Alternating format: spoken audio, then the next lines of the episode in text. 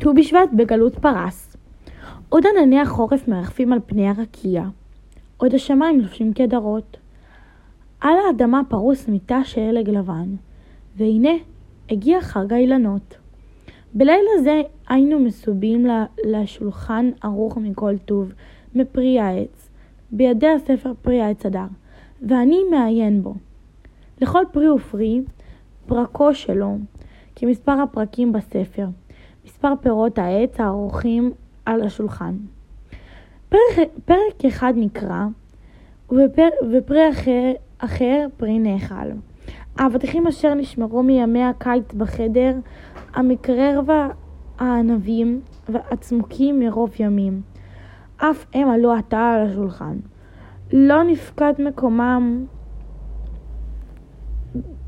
בעזרת הפירות. קולו של אבא מסלסל בנעימה.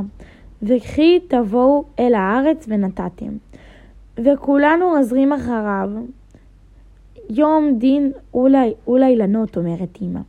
היום הזה פוסקים את גזר דינם בשמיים. איזה עץ יגדע ואיזה ינטע, איזה ישגשג ואיזה יקמש.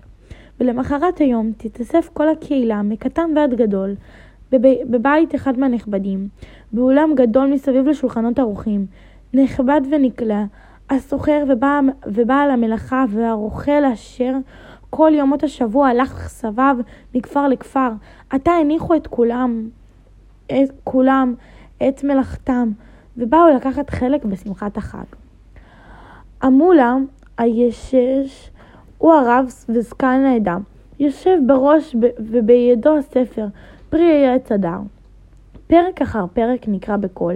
המסובים מקשיבים רוב קשב, ופרי אחרי פרי נאכל בתיאבון.